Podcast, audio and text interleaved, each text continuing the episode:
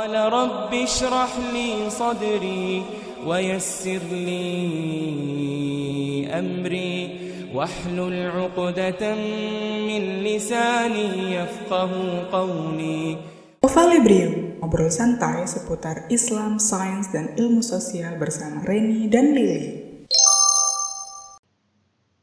Assalamualaikum. Waalaikumsalam. Ketemu lagi. dan masih daya prediksi. Tapi sekarang kita akan ngomongin Islam. Daya prediksi dalam Islam. Gitu nggak sih, Ren? daya pred- eh, ngomongin Islam dalam konteks daya prediksi. Ada yang mau diomongin dulu nggak?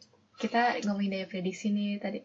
Kan kemarin-kemarin nih daya prediksi itu jadi kekuatan ramalan. Jadi sekarang kayak, emang sebenarnya ada nggak? Emang ada ramalan di Islam kayak gitu? Hmm, emang ada? Enggak sih. ada nggak? Ada. tapi Tapi itu kita nggak bisa ngelihat. tapi tapi ini enggak kalau misalnya kayaknya konotasi ramalan itu masih berupa kemungkinan gak sih? Iya. Nah, itu paling bedanya di situ. Maksudnya ketika prediksi adalah sesuatu yang belum terjadi, yang akan terjadi, yang baru akan terjadi di masa depan. Kan kalau misalnya kita melihat dalam kacamata sains, prediksi yang terjadi di masa depan itu akurasinya bisa tinggi, tapi tidak 100% ya nggak sih? Karena ada intervensi manusia itu. Hmm. Kalau di ilmu sosial, ya mungkin kita bisa memprediksi lewat memahami pola perilaku, tapi itu sangat akurasinya sangat tidak tidak tinggi gitu karena perilaku manusia berubah.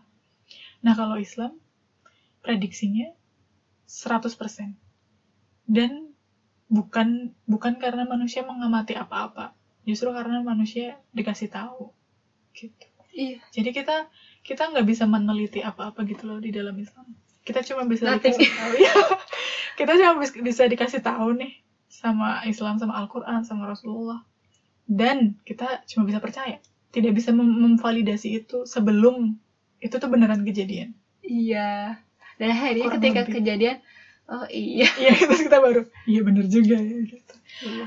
Ya semoga sih jangan selalu kayak gitu sih. Iya. Semoga dengan dengan dikasih tahu tentang sesuatu, tentang apa yang akan terjadi di masa depan, kita percaya dan ketika menghadapinya kita sudah siap. Gitu. Betul. Kurang lebih. Sains maupun ilmu sosial kan butuh manusia yang aktif mengamati nih.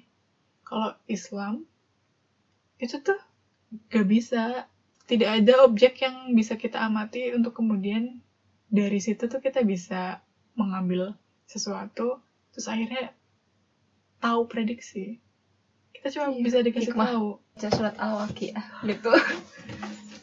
nah prediksi-prediksi itu salah satunya adalah tentang nanti kejadian di hari kebangkitan tentang nanti Iya, kepercayaan itu ya. Padahal ya, kita belum tahu, tapi itu kita dan kita nggak akan tahu. Kita nggak akan tahu sampai hal itu beneran kejadian. Makanya terus Islam ngasih tahu nanti di masa depan nih kalian akan habis mati nih. Kalian akan eh, apa ada di alam kubur dulu. Kalian akan nungguin dunia kiamat alam semesta kiamat. Nanti kalian dibangkitkan. Itu kan kita tidak bisa mengambil itu dari mana-mana loh kita tidak bisa pakai observasi itu tuh nggak bisa kita cuma bisa dikasih tahu iya, itu makanya beda pendekatannya sangat berbeda gitu jika dibandingkan Harus terjadi dulu. sains. Mm-mm. sama pendekatan ilmu sosial tapi ada kok prediksi-prediksi yang udah kejadian ya apa tuh? kayak yang itu eh, perang handak itu yang pas Rasulullah bikin parit ngegali parit itu pernah dengar pernah dengar Taunya ceritanya taunya cuma pas Rasulullah pernah perang terus dari parit di sekelilingnya. Iya ngali, ngali parit. heeh. Nah pas ngegali parit itu terus berusaha mecahin batu yang besar. Rasulullah terus kayak dikasih visi, dikasih penglihatan gitu. Terus Rasulullah bilang, aku telah dikaruniai kunci-kunci istana dari negeri Persia. Umatku akan menguasai semua itu. Terus mecahin lagi, memukul batunya lagi, terus bilang, aku telah dikaruniai kunci-kunci negeri Romawi. Umatku akan menguasai itu. Terus ya beneran masing-masing jatuh ke tangan Muslim. Itu salah satu prediksi. Berarti Dan itu Kayak- beneran kejadian ya. Dan kita nggak bisa mengobservasi. Kayak misalnya pas Rasulullah bilang, aku telah di dikaruniai kunci-kunci terus kita mengobservasi kuncinya mana Iya. Gak bisa. Pendekatannya bukan kayak gitu gitu loh. Pendekatannya bukan kayak gitu. Kita cuma bisa percaya. Islam itu ngabarin hal-hal yang hal-hal yang kalau manusia mengandalkan kemampuannya untuk mengobservasi hal-hal ini tuh nggak akan pernah bisa tercapai oleh manusia. Islam tuh ngabarinnya hal-hal yang kayak gitu. Kalau konteksnya prediksi ya, gitu sih aku memahaminya. Kayak misalnya manusia nih, sekeren apa pun manusia melahirkan teori-teori atau sekeren apa pun manusia menemukan rumus-rumus alam semesta, manusia itu nggak akan pernah tahu ada hari kebangkitan. iya Kalau cuma ngandelin alam dan cuma ngandelin interaksi manusia. Nah, Islam itu masih tahu masih ya tahu meleng- me- melengkapi pengetahuan manusia gitu, yang tidak mungkin bisa manusia ketahui dengan observasi. iya sih kayak sains itu cuma bisa sampai kehancuran tapi setelah hancur nggak tahu Nah, nggak tahu. Nah, itu.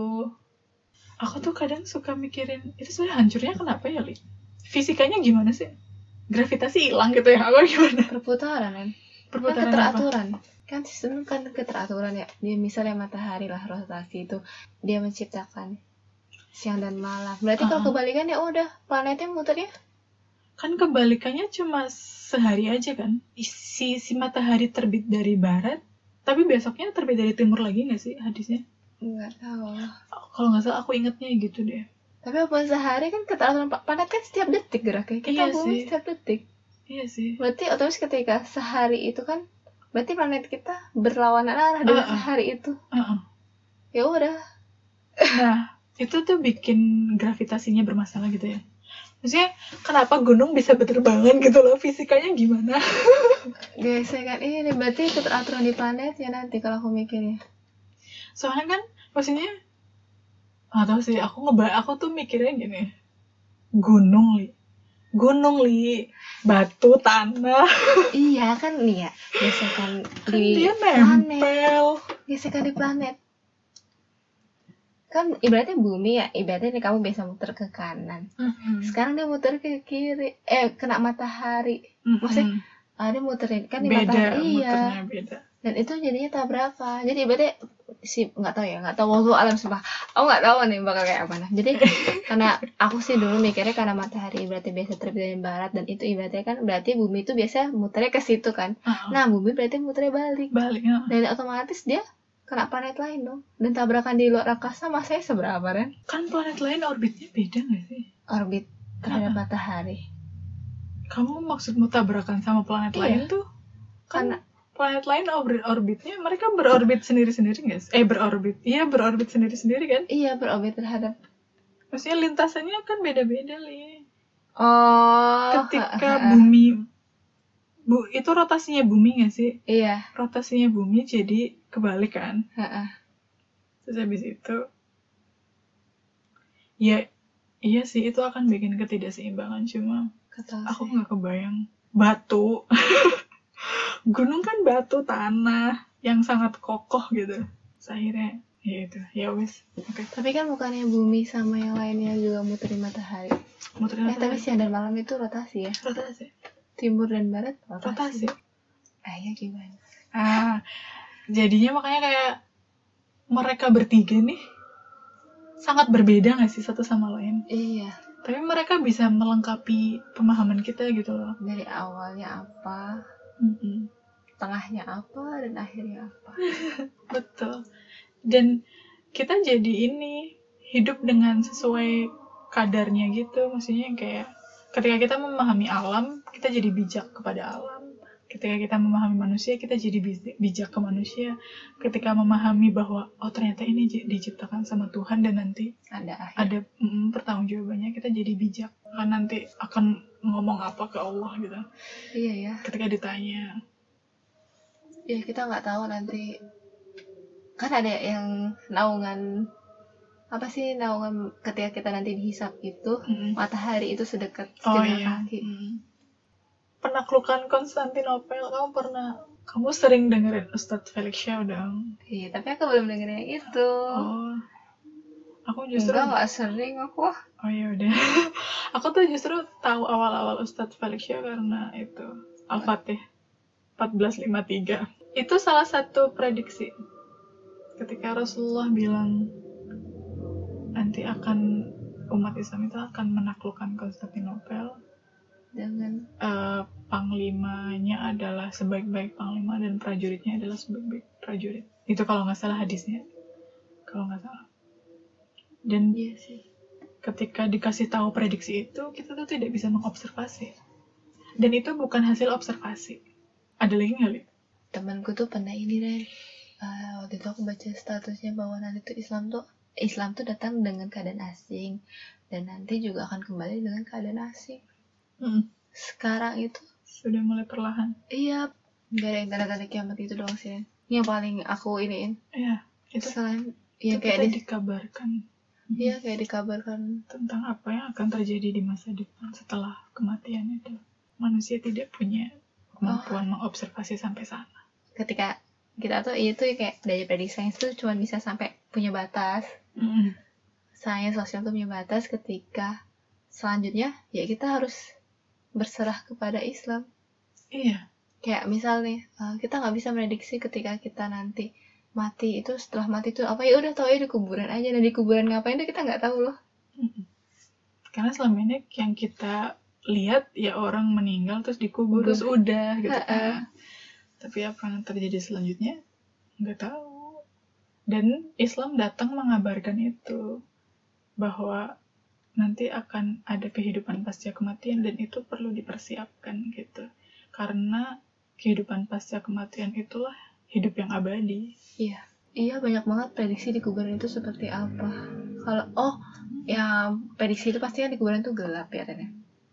maksudnya Rasul kuburan itu nanti kamu gelap dan itu buat kita prediksi ya buat yang Iya. udah meninggal ya itu sudah terjadi sih sama Iya. mereka tapi kan kita nggak tahu Heeh. kitanya kitanya belum dan salah satu yang bisa ini namatin itu ya amal-amal kita betul. Jadi kita ya percaya sih. yang kejadian itu yang benar kejadian ya pasti di kuburan gelap. Nanti kamu sendirian. Iya. Dibilang kan pasti kita sendirian. Akhirnya. Mm, betul sekali. Aku jadi ingat yang itu. Ya suka baca nggak li? Eh, ketika nanti kita menghadap ke Allah itu menghadap sendiri sendiri iya. Sendiri. Sendiri bang. Terus kemarin tuh aku baru baca apa ya? Surat ke 70 kalau nggak salah. Al-Ma'arij atau apa?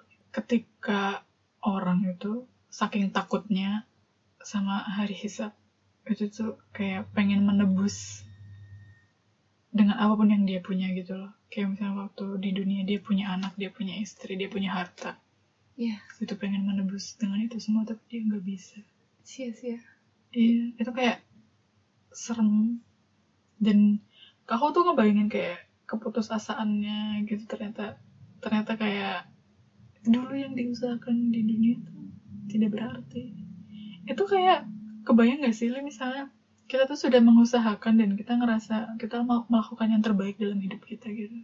Tapi ternyata seolah usaha itu tuh mengkhianati gitu. terus ya sih kalau aku yang lebih membayangkan tuh ketika nanti tuh kita diem tapi semuanya tuh bersaksi tuh kayak udah Iya benar. terus juga kita terus terus juga cahaya oh ini pernah sih dijelasin Ustadz Maman Ali tentang cahaya nanti di akhir kiamat itu muka kita tuh bercahaya kan. Orang-orang beriman. iya beriman bercahaya tapi tuh cahayanya itu Rasulullah pernah Ren ngasih hadis tentang ini terus dibahas sama Ustadz Maman tapi aku lupa Ini ya terangnya iya beda-beda. heeh, Mm-mm. tanya beda-beda ya simpulannya Ren nih intinya sebenarnya itu kita tuh membicarakan tiga bidang ini. Yang pertama sains terus ilmu sosial terus Islam.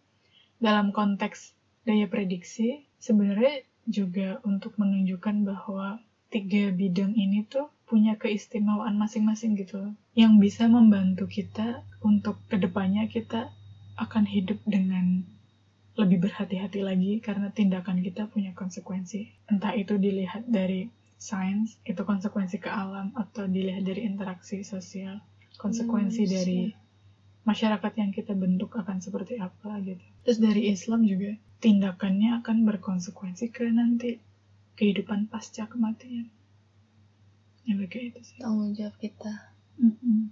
karena yakin sih semuanya akan ditanggung jawab Iya, bertanggung betul. jawab Betul sekali. Dan Oh. kehati-hatian ini tuh juga dalam rangka itu. Dengan mengetahui dengan memiliki pengetahuan-pengetahuan ini tuh kita juga nggak jadi nggak gampang ikut-ikutan loh. Karena ketika kita sekedar ikut-ikutan konsekuensinya kita lebih lebih ibaratnya kayak kita mm, aksi-aksi kita jadi tidak kita lakukan secara penuh kesadaran gak sih?